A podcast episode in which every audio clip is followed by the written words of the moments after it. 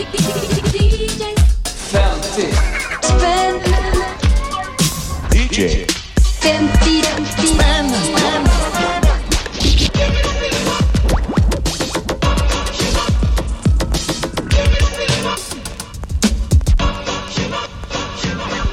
Jo då, här kommer det lite mer musikalisk avfallshantering och återbruk av vinylskivor som har blivit vräkta och fått nya hem i loppmarknadens allra sorgligaste och dammigaste skivbackar. DJ 50 spänn är podden där jag ger en 50-lapp till en musikdåre med grävkompetens. Och den musikdåren får köpa fem stycken vinyler i goda och blandade kategorier för pengarna. Sen spelar vi några låtar och så snackar vi musik. Så jävla enkelt är det.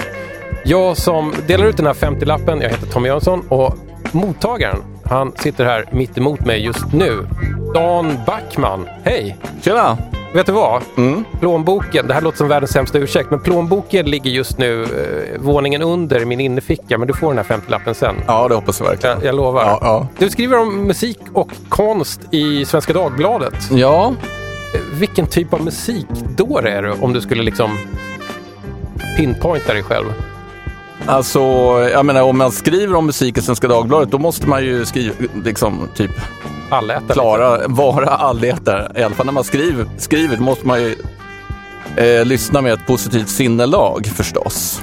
Men eh, du menar eh, vad jag egentligen gillar? Exakt. Ja. Ja, alltså då är det väl lite... På något sätt så, så, så är det väl äldre grejer, jag menar som man hamnar i 60 och 70-tal liksom. Jag menar om jag vill här, få en så här återställare då kan jag ju lyssna på Burt Bacharach till exempel. Är det, är det en återställare? Ja, ja men det är ju så mjukt och fint. Dels är det väldigt smooth, sen är det så otroligt välgjort. Ja. Och liksom, det är väldigt kom komplex musik egentligen. En av anledningarna till, till att jag bjöd in dig hit är, är faktiskt på grund av att du också gör en sån här musikpodd som heter Keep It Smooth och Mm. är skitbra. Ja, tack. Du och eh, din eh, partner in Smooth Music, Per Åslund, spelar alltså eh, typ västkustig och len musik. Och inte typ västkustig, utan vi är ju västkust-talibaner. Alltså meningen med podden är ju att vi vill visa vad som är den äkta västkusten. För många som gillar västkust, de tror ju att till exempel Toto är västkust. Eh, men det är ju AOR, vilket är en helt annan sak. Ni Eh, fuskar det- inte alltså? Nej, vi fuskar inte, så att det är själva grejen. Så att därför håller vi också på att diskutera liksom innan vad vi tycker är västkust. Och vi tänjer väl lite på gränserna i, ibland, men eh, ja. Men varför älskar du västkustgrejen? Ja, men det är väl det. Det är just det här lena som du säger. Och eh, alltså västkustgrejen, alltså det är lite svårt att säga. Jag tänkte på det när jag gick hit. Det är egentligen mer en epok än en genre. Mm. Och epoken är ju då 78 till 82 har vi då kommit fram till. Det, det är alltså bara fyra år? Ja, det är om fyra år. En mandatperiod. Ja, och helst ska den vara inspelad i Los Angeles då förstås. Men hur, hur, liksom, hur långt norrut och hur långt söderut kan det gå för att vara ändå någorlunda right? Alltså det finns ju bra västkust i alla världs, världsdelar. Till och med i Sverige också. I, i svenska nutida västkustcentret, det är ju uppe i Norrland av någon an, anledning. Berätta mer. Det här har jag aldrig hört talas om. Alltså unga svenska musiker som spelar västkust nu, de bor typ Umeå och norrut. Alltså det har bara blivit så, Ja. jag vet inte. Det, det kan jag inte för, för, förklara, men så är det. Som kritiker som skriver om musik i en tidning så måste du vara lite allätare. Mm. Här handlar det om att vara asätare i, i, i skivbacken. Mm. Hur, hur, hur ser ditt förhållande till så här gammal dammig loppis-vinyl ut egentligen? När jag får rota i, i, i gamla vinyler eh, på någon gammal eh, loppis, second hand-affär, alltså då, känner jag mig, då känner jag mig väldigt lugn och harmonisk. har Jag kom på. Liksom. Det är så här. Att det är inte bara för att leta, det, är, det, blir någon, det infinner sig något väldigt lugnt. Så att jag har ett väldigt gott förhållande till det.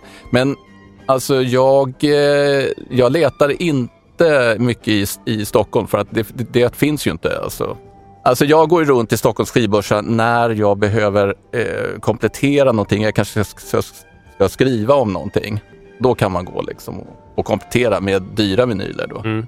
Men annars så är väl fa- favoritsysselsättningen när man typ åker bil i Sverige och eh, så åker man på en väg och så står det loppis eh, 700 meter. in i skogen. Liksom. Ja. Så åker man in där och så har man en laggård. Liksom. Så har man massa skräp och, och Mm. lite vinylbackar. Det är inte mycket som slår, slår det faktiskt. Men har du märkt den här grejen att de här, de här loppisskyltarna, Mm. då och då så leder de ju till, till riktigt härliga fynd. Men då och då leder det till vad jag kallar för en samtalsfälla.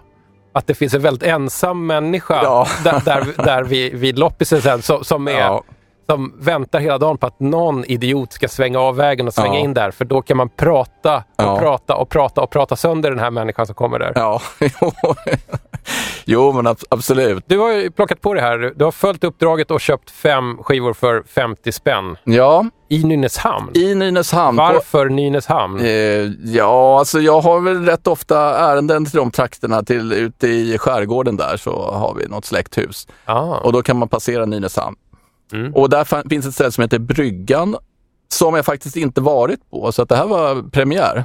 Det var ett riktigt bra ställe. Det, Mm. Var kan, det det? det? kan rekommenderas. Alltså Så- ganska bra.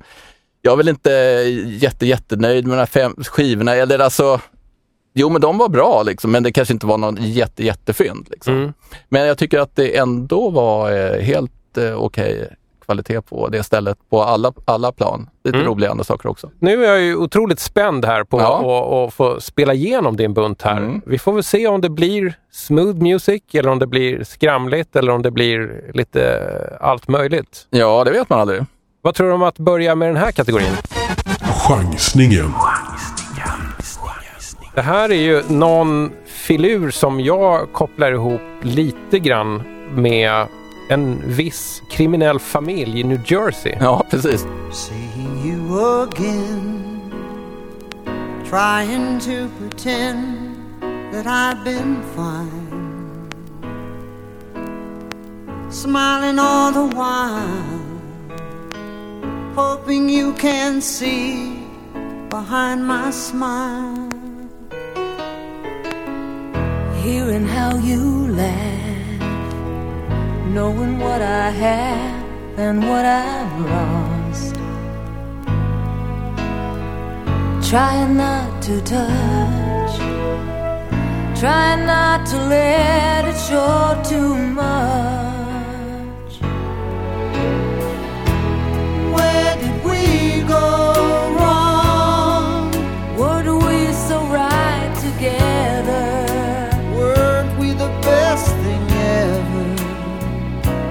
two so strong.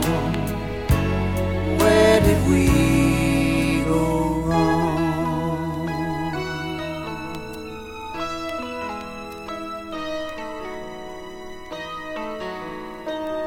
asking for your friends, trying to pretend there's someone new.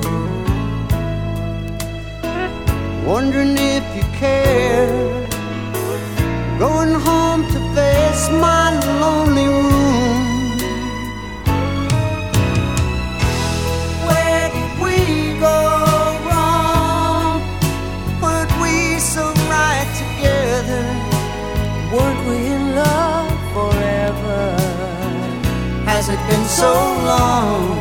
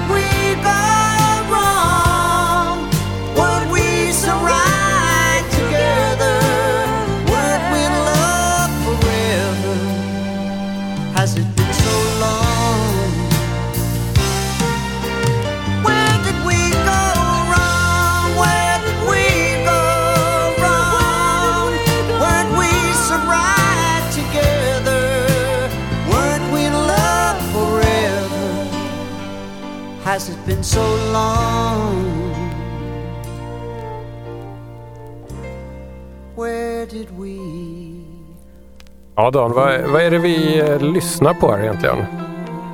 Jag vill lyssna väl på en eh, väldigt fin eh, duett som heter Where, Where Did We Go Wrong från Frankie Vallis album Heaven Abo Above Me Ja, det var, väl- från 1980. det här var ju väldigt eh, fluffigt och, och mjukt och härligt. Underbart tycker jag. Ja, med tonartshöjningar och allting. Och faktum är ju att den här rör ju lite vid, vid min västkustnerv då.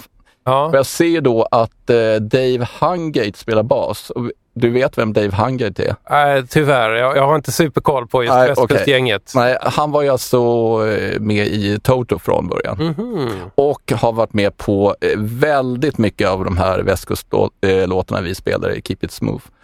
Så han är en favorit. Ja. Sen spelar ju Lee Rittenauer gitarr. Lee ja, men det, där har vi ett namn som det i alla fall ringer en klocka av. Ja. Sådär. Bing bong. Han är ju mer en jazzgitarrist, fusion. Mm. Eh, men han har också gjort väldigt mycket. Eh, Han var studiemusiker på den här västkusttiden, så han har varit med på väldigt mycket Mm. grejer. Precis innan vi la på låten så sa jag att det här är ju, tittar man på det här omslaget så bör man tänka på en viss eh, kriminell familj i New Jersey-fiktionen, Sopranos. För att kollar man på omslaget så ser Frankie Valli väldigt mycket ut som en, ja, en biroll i Sopranos. Ja, det ser helt underbart Men det är ju faktiskt så att han har ju varit med i Sopranos också. Ja. Jag var, jag var tvungen att kolla upp det Ja. och i, i sista typ två säsongerna så dyker han upp som någon som då heter Rusty Millio. Jag, jag kan inte säga att jag minns exakt vem det är, men det är en irriterande människa i alla fall. ja, det är fantastiskt. Frankie Valli var ju eh, ledsångare i Four Seasons. Just det. Det vet du? Ganska länge hade han väl också så här parallell solokarriär med Four, och, och Ja. även Four Seasons igång. Liksom, Just så att han det. hade Just det. två...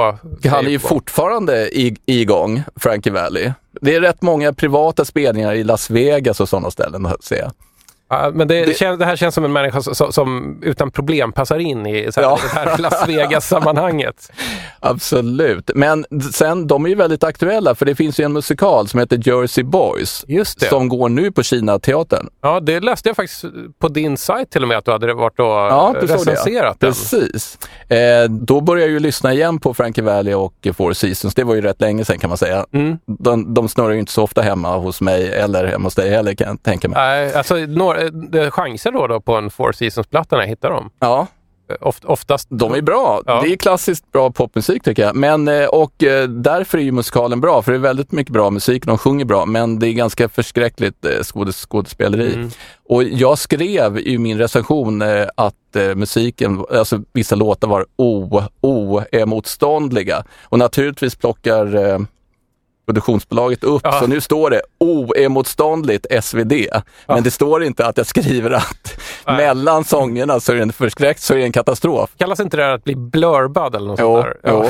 och det är ju, därför kan man ju egentligen inte använda positiva eh, värderingar. Nej, det här är alltså en så kallad jukebox-musikal. Ja, Jag är så glad att jag har lärt mig den Ja. termen. Att när man bygger en musikal kring en känd art, gammal artists gamla låtskatt. ja. och det började ju med. Mamma Mia. Just det. Och det är ju en styggelse, Alltså, jukeboxmusikaler, Ja. tycker jag. Ja, men det är liksom, eh, för, för där var ju hela genren. Liksom. om du skulle vara tvungen att ta uppdraget att eh, förvandla eh, en artist eller eh, ett band eller en grupp till en jukebox-musikal. Mm. Vad skulle du välja då? Eh, Laura Nyro, Varför det? Hon är en av mina absolut största favoriter, så att liksom det, är- det är det. Men, och sen så tror jag hennes musik, alltså hennes musik är lite musikal. Mm. Betonad också, eh, plus en intressant eh, levnadsöde. Jag tror det skulle finnas allt där. Hörru du, vi spelade en duett från den här skivan. Mm. Frankie sjöng tillsammans med då Chris. Forde.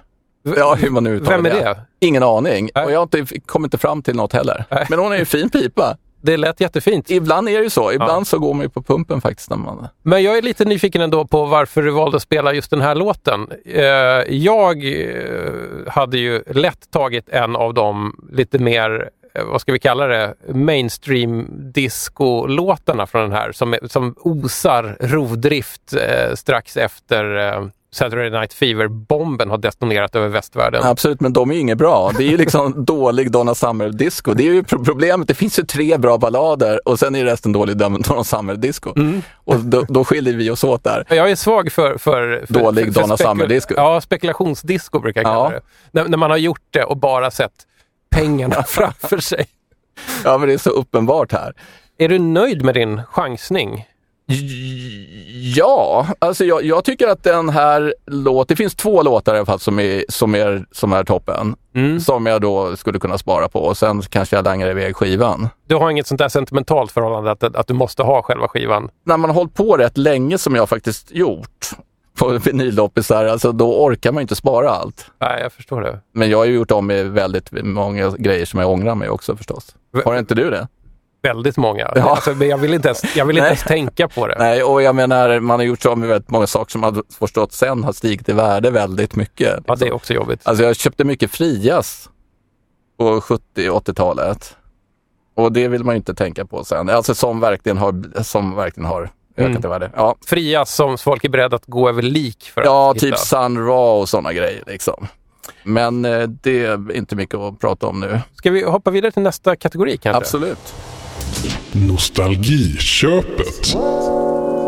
På tal om eh, musikaler. Är det här en jukebox-musikal? Absolut inte.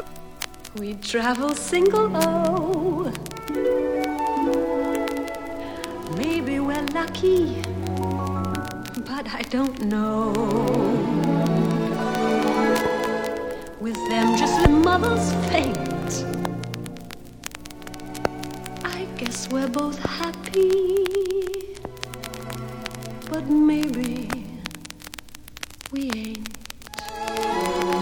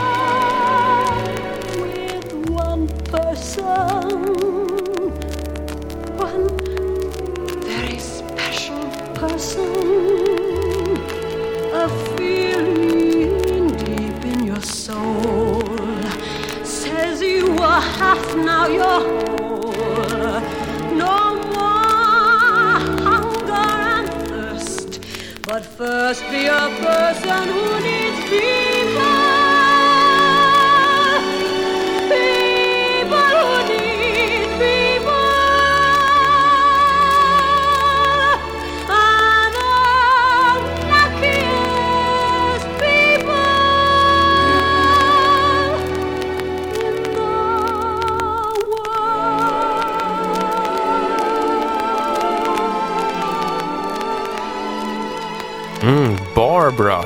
En drottning i loppis-vinylbackarna får man väl då säga. Ja, precis. Henne kan man väl hitta i lite olika varianter av. Ja. Den här, och jag har nog sett den, men den är ju inte riktigt lika vanlig som eh, till exempel Guilty. Nej, precis. Den är ju en sån. Den Ja. måste ju du ha spelat några gånger här. Ja, Guilty har faktiskt dykt upp eh, två gånger. Ja. Eh, oundviklig skiva får man väl lov att Ja. säga ändå. Men det här var en helt annan Barbara-platta. Ja, det här var ju liksom den första Barbara, musikal-Barbara.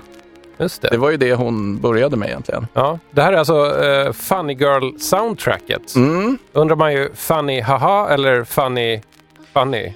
Ja, hon heter ju Fanny Bryce, hennes eh, rollfigur.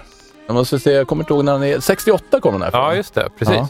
Och den här skivan är alltså ditt eh, nostalgiköp. Ja. När, när och hur kom den här in i liksom ditt liv? Ja, ganska sent egentligen. Det var väl när jag började lyssna på eh, Barbara Streisand så började jag köpa lite olika av hennes eh, grejer. Eh, så att jag, jag har den här faktiskt, eh, så att jag köpte den igen. Nej men det var väl kanske på 80-talet jag började lyssna lite på henne. Hon är ju lite jobbig. Ja, på vilket sätt då? Hon är ju så otrolig som säger, hon är ju drottninglik. Hon sjunger ju ut så. Ja. Alltså, allt blir så stort med henne. Mm. Men eh, hon har ju en del riktigt bra låtar, även liksom hennes eh, som era enstaka hitlåtar. Mm. Hon gjorde en, jag kommer att tänka på henne, hon gjorde en duett med Celine Dion som heter Tell Him. Kommer du ihåg den? Lite vagt. På den tiden Celine Dion var ett namn att räkna Men med. Celine Dion, lite av sin tids Barbara Streisand. Ja, va? absolut. Så att de, de passar ju tillsammans. Men det är också en jätte, jättebra låt. David Foster producerar. David Foster är ju en västkustgubbe, för att komma återigen Ja, till ja men jag bör- börjar märka av den röda tråden. Här. Ja, Men, det är blivit en väldigt soft början ja, det har det med faktiskt de här blivit. låtarna. Otroligt soft Ja, ja vi, vi, får se sen om Vi vi, om, om, om vi drar i en extra växel snart kanske. Ja. Eller om vi, vi, kanske håller, vi kanske ska hålla det, keep it såsigt helt Ja, enkelt. ja, precis. Jo, det, Jag pluggade på lite om den här skivan men hamnade omedelbart, som det nästan alltid är, på ett sidospår. För att när den här släpptes, när det här soundtracket släpptes på skiva, så prånglade även då skivbolaget ut en, en slags eh, promoskiva med färdigbandade intervjusvar av Barbara Streisand som skickades ut till radiostationer Ja. så att då radiojournalisterna, programledarna, kunde då eh, Ja. säga sina egna frågor och klippa ihop det med Barbaras svar. det var ju rätt tidigt där med... Ja, men det är väldigt smart. Ja, verkligen. Eh, och den tänkte jag, så att den skulle man ju kanske vilja, vilja hitta någonstans. Näst, nästan hellre än den här skivan. Ja, absolut. Har, har du råkat ut för det här så, i, i din liksom, musikjournalistiska gärning? Nej, inte direkt. Det har jag inte gjort, även om eh, eh, promotion-människor vill väl alltid styra och ställa. Ja. Men, men det, jag kanske inte har intervjuat just så hemskt många av den karaktären. Jag lyckades faktiskt hitta en ljudfil ute någonstans på internet. Ja. Jag vet inte hur, liksom, hur Korser spelar den här, men så, så här lät det i alla fall på eh, skivan med Barbaras färdiga Ja. intervjusvar. you know, this is what's interesting. It's like why why people gravitated to me when I started was because I mean I always told the truth. I was honest, and that honesty has a theatricality. You know, the truth is quite interesting. And now, you know, because one gets more successful, and uh, I still tell the truth. Only now, I, it can be it's so misinterpreted.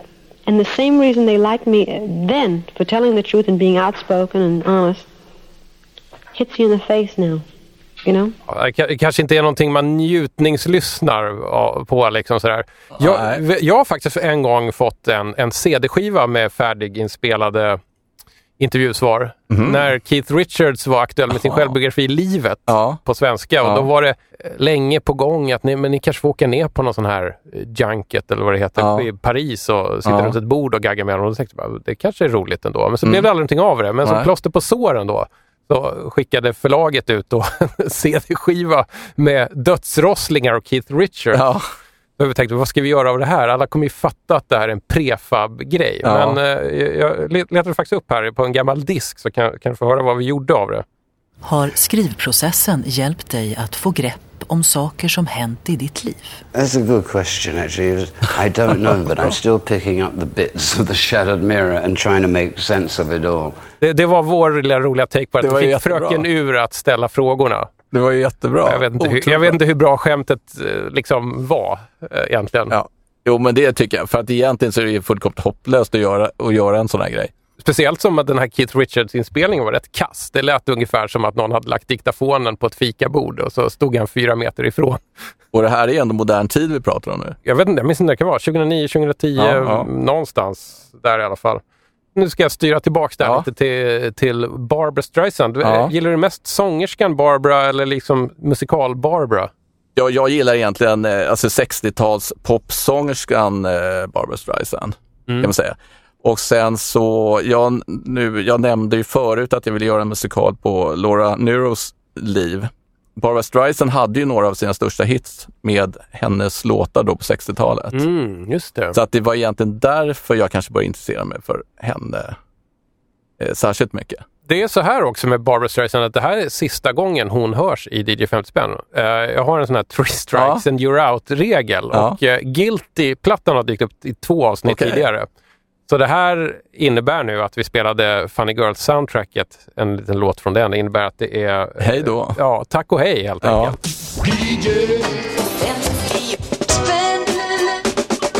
Vi- Vi kanske ska se om vi kan dra upp tempot lite grann här så att vi inte somnar framför mickarna.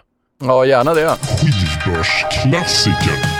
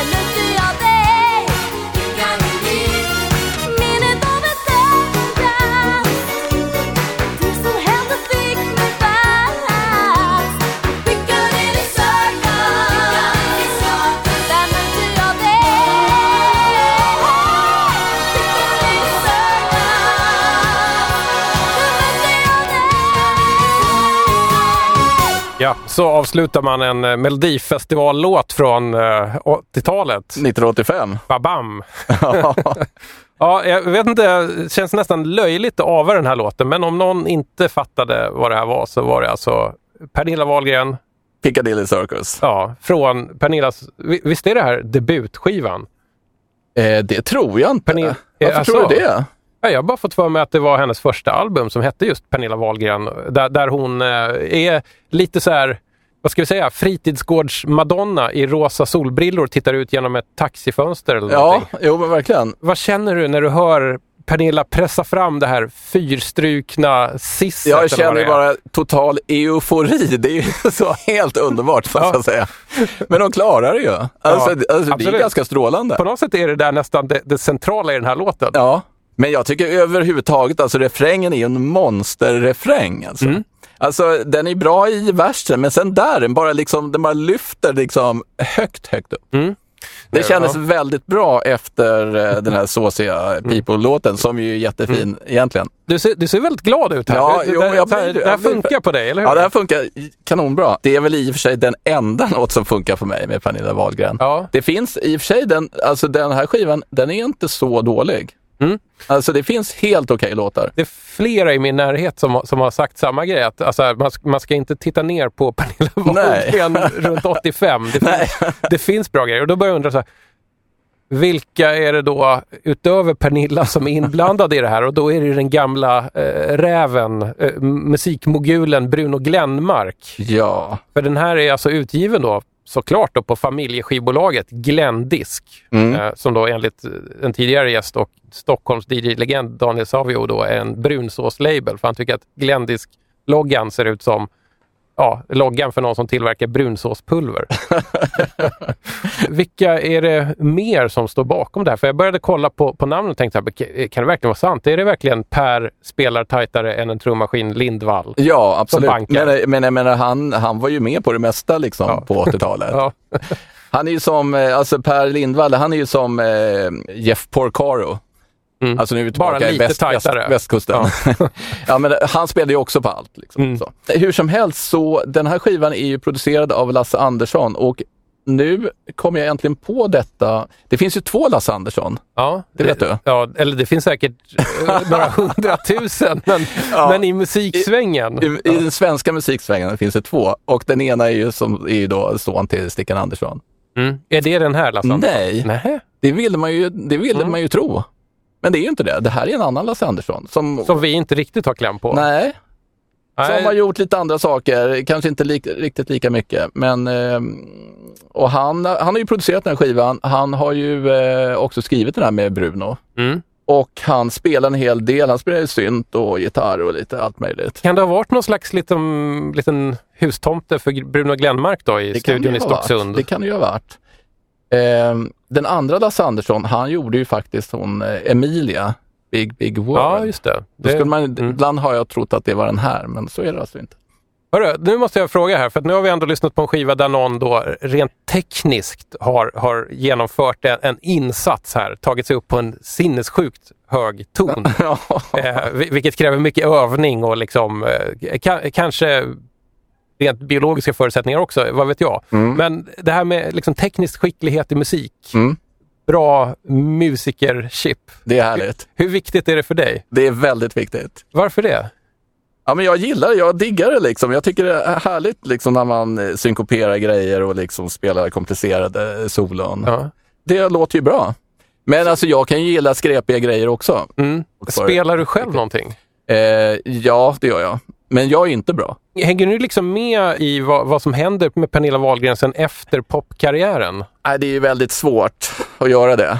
Det kanske är dags för henne att göra som gamla artister på väg tillbaka, att eh, återuppföra ett album låt för låt live på scen. Och då Ja. skulle det kunna vara den här. Det skulle ju vara fantastiskt faktiskt. Jag, jag tror att utsikterna för att Pernilla Wahlgren laddar ner en podd om eh, loppisfynd där vi diskuterar en av hennes skivor som du köpte för kanske en 10 eller någonting är väl minimal. Men om det är så, Pernilla, på fullaste allvar så var, varför inte boka liksom Scalateatern en kväll och uppföra eh, Pernilla Wahlgren-albumet från 1985, låt för låt? Vi kommer ju Det är i alla fall definitivt. två som kommer. Ja. Hörru, Dan, ska vi kolla nu om, så här, om vi går över på nästa kategori, ska vi se om vi kan hålla tempot nu eller om vi kommer liksom kana ner igen? ja, det hade varit härligt att hålla tempo. Jag tror dessvärre att vi kommer kana ner. Random Access Vinyl.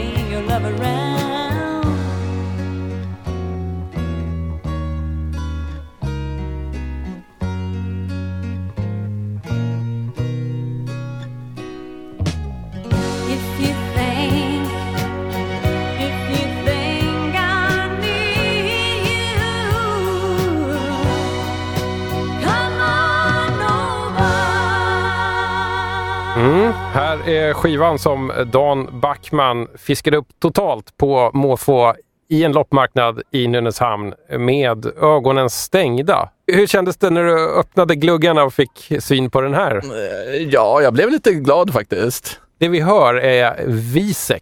Den här låten hette Come On Over. Just det. Och det här är från, om ni undrar då, vilken av alla miljarder V6-plattor så är det från Some Girls and Trouble Boys. Och Ja. den är från 1979.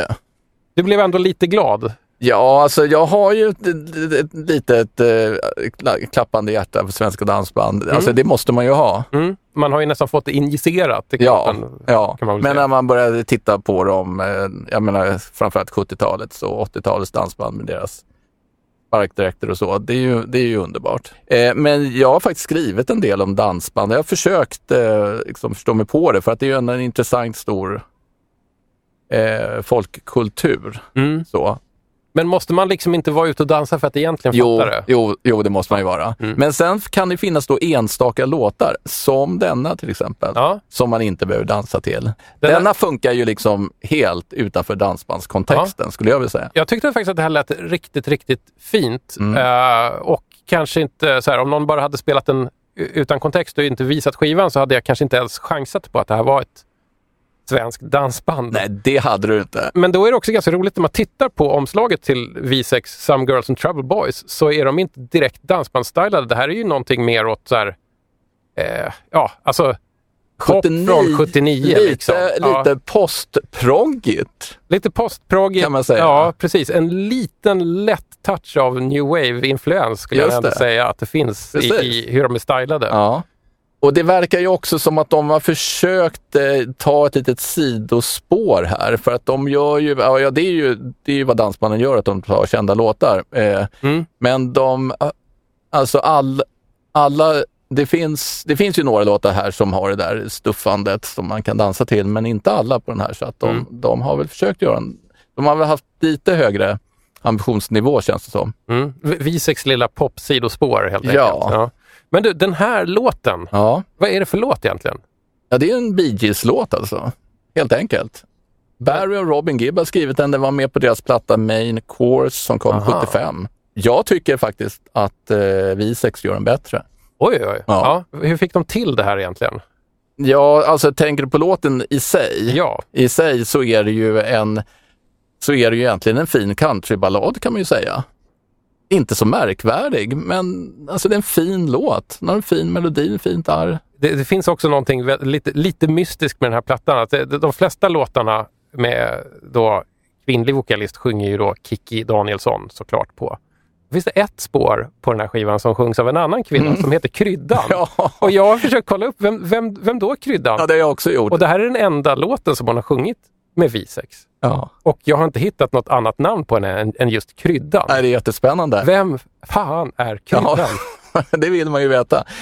Och eh, alltså grejen här är ju att alla är ju bara eh, titulerade vid deras förnamn. Mm. V6, vad, vad är det för band egentligen? Har du kläm på V6? Nej, alltså det kan jag inte påstå att jag har, men båda, det vet man ju, så mycket vet man ju att det är ju ett av de stora dansbanden. Ja. Ett av de stora klassiska dansbanden. De bildades ju 73.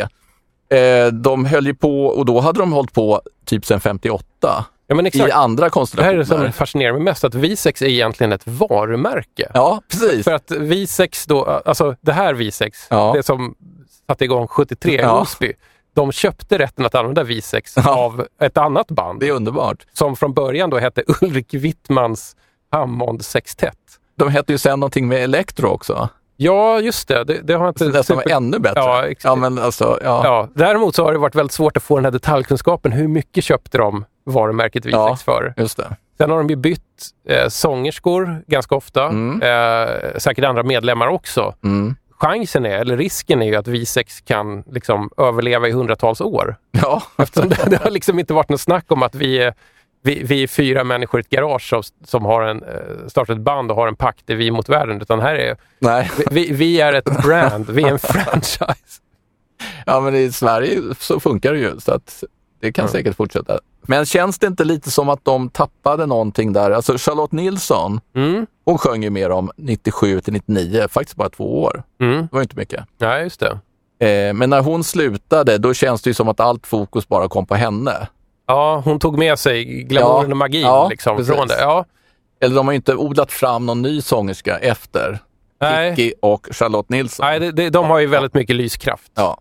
Kikki verkar ju vara inne på någon slags uh, nytändning nu. Ja, just det. Har du det, är hört hans senaste- Su, det är Sulo Ja. som, har, som har tagit sig an henne. Ja, precis. Jag, jag har faktiskt bara hunnit lyssna vä- väldigt ytligt. Eh, Det lät ganska bra, men det, det, det är också den här klassiska grejen att hon går till det liksom lite jordigare, liksom Ja. lite mer americana-stuket nu. Ja. Inget fel med det, men, men det är ganska förväntad väg. Jag känns- skulle ja. bli glad om hon eh, drog igång joddlingen på allvar igen. För hon är ju en sjukt bra joddlare. Självklart. det är ju det hon ska göra. Vet du vad? Det, Ja. det finns ett spår på, på den här skivan som jag är lite sugen på att bara testlyssna lite bit. Ska vi, Ja. ska vi göra det? Mm.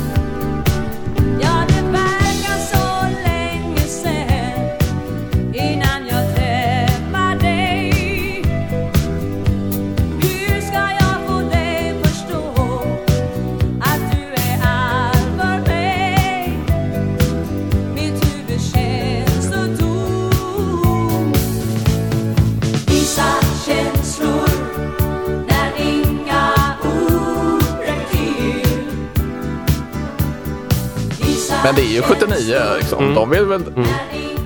söka lite disco där. Vi sex covrar eh, Cliff Richards, vad ska vi kalla det, reboot-låt från typ 79. Han hade ju en jättehit med den här. Ja. It's so funny, we don't ja. talk anymore. Precis. Då valde han en lite annan väg. Han gick in i någon mainstream pop som gärna fick vara lite synt-plinky. Ja. Jag är svag för den låten. Den är ju rätt lite jobbigt smörig, men den har ju något. Alltså jag tycker att den här är ju en alldeles utmärkt version. Bättre än vad jag minns att Cliff Richards låt. Har vi något mer på den här V6-skivan? Den, den mystiska. De ser ju väldigt sköna ut. Gurkan tycker jag. Gurkan med sin mössa. Ja, det var både kryddan och gurkan i det här land, i bandet. Alltså. Precis. Ja. Gurkan är ju en favorit, det måste jag säga. Han ser ärligt talat ut som en chefdesigner på Cheap Monday-kontoret. nu fattar ni precis. Ja, nu Lite mössa, glest skägg. Det var ju Ja. faktiskt på pricken. Dan, det är faktiskt bara en kategori kvar. Vad tråkigt. Det går fort om man babblar mycket om man vill fortsätta hela kvällen. Ja, men, jag men, skulle gärna ta fem till. Det är dags för ehm, den sista, finaste kategorin. Fyndet.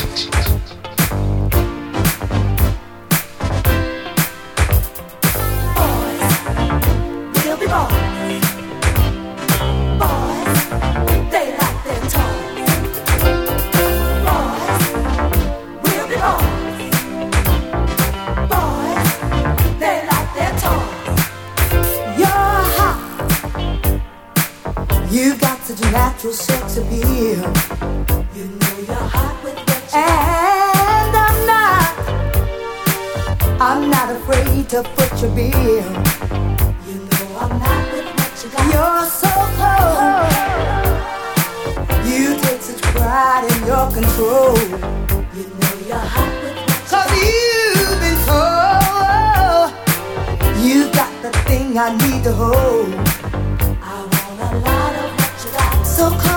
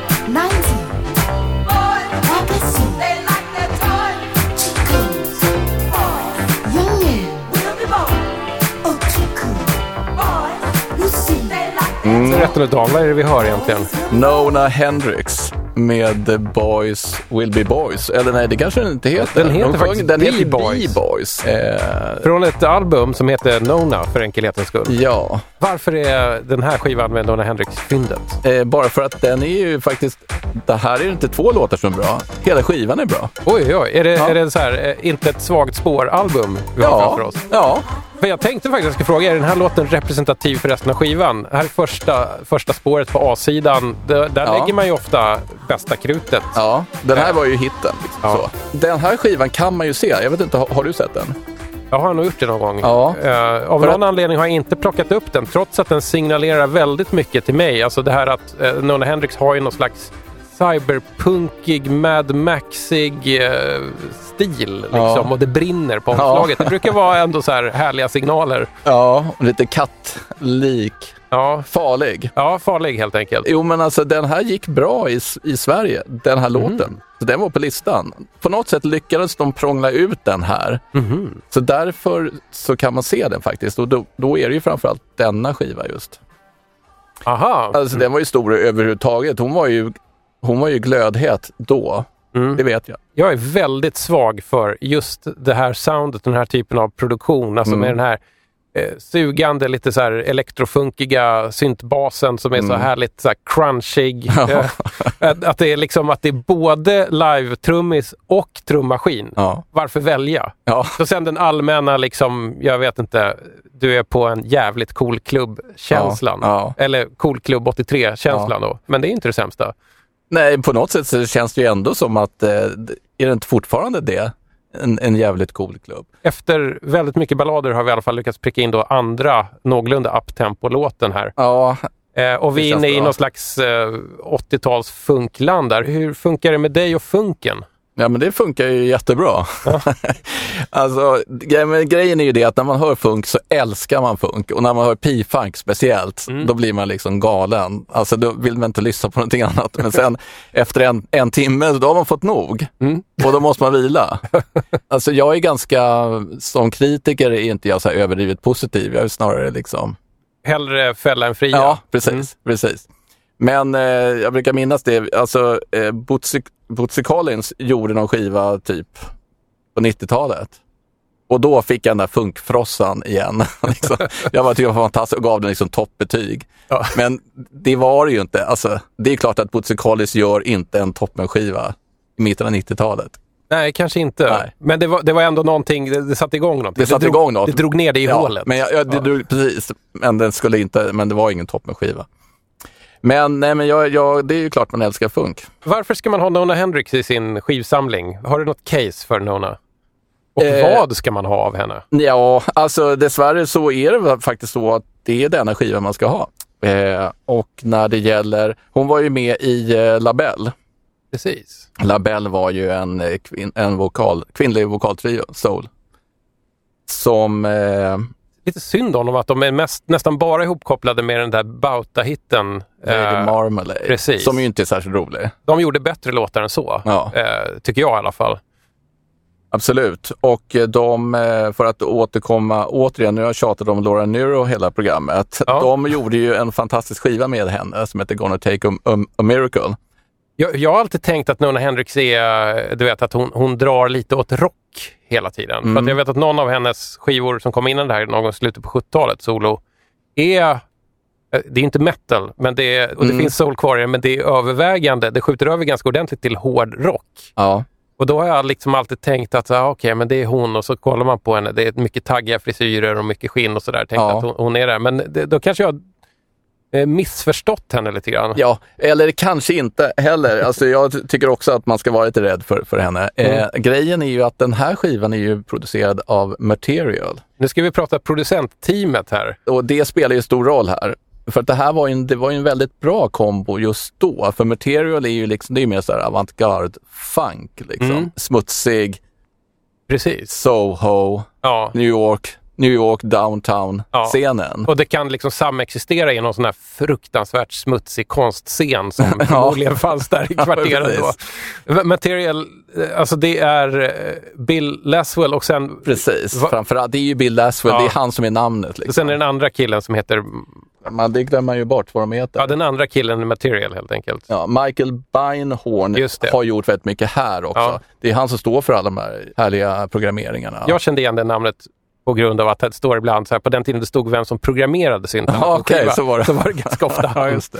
Man ringde helt enkelt in honom. Vi får inte igång den här Oberheimen, kan du göra något? Och det hör man ju att han kunde. Ja.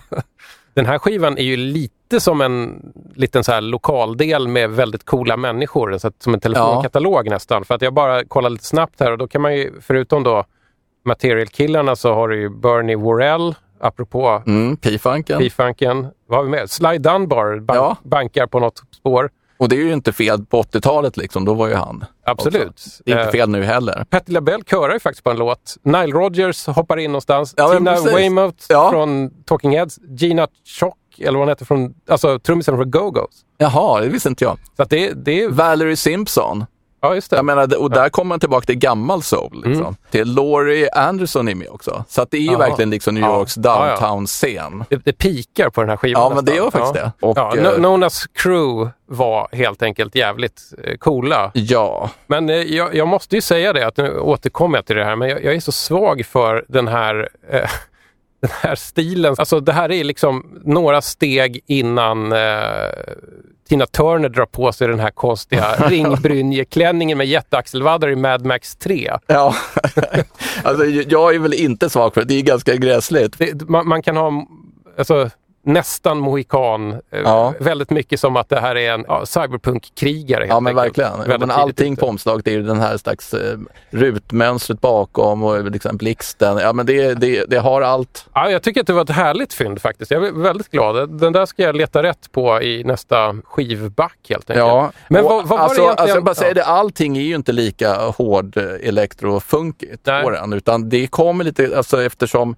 det här, eh, Bill Laswell och de, det är ju musiker som var inne på jazz och allt, allt möjligt, Mm. så att det kom liksom konstiga saker och Sly Dunbar-låten är ju en reggae. Liksom.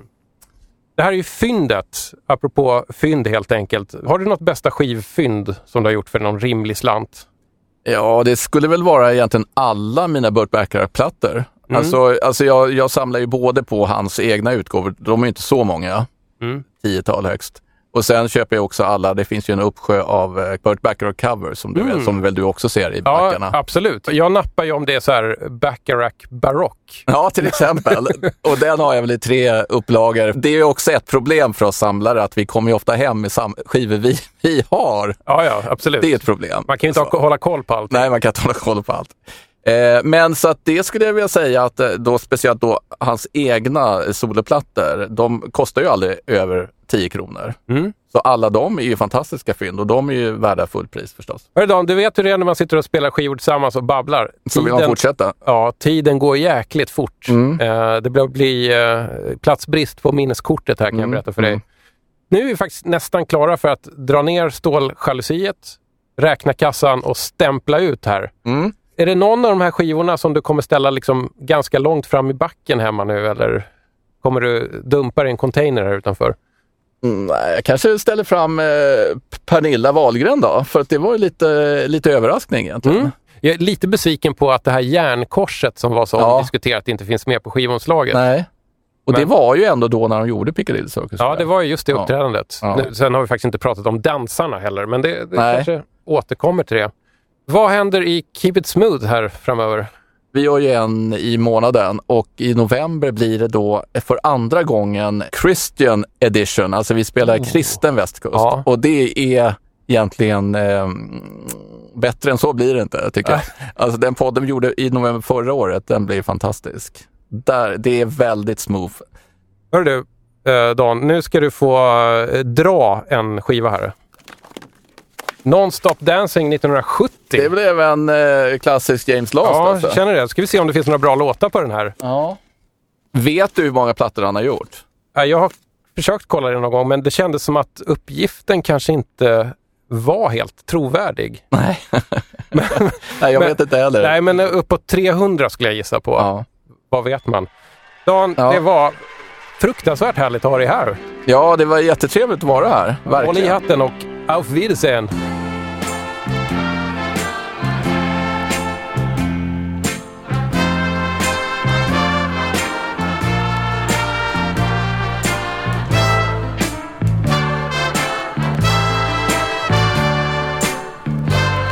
Det låter bra också. Det är typ de liksom, alla har druckit för mycket och är jättetrötta. ja, vi- visst låter det lite som att det är slutet på festen? Ja men absolut. De bara tar, ja men okej vi tar en sista. Liksom. Ja. Men de håller på att typ packa ner samtidigt. Det är jättebra. Jätteslirig. Jag har slutat köpa James Last nu. Jag tror att jag har alla. Vä vänta nu. Sitter jag mitt emot en komplettist? Ja, nej. Jag, nej, jag menar inte att jag har alla. Jag menar att jag har alla som man är värda att ha.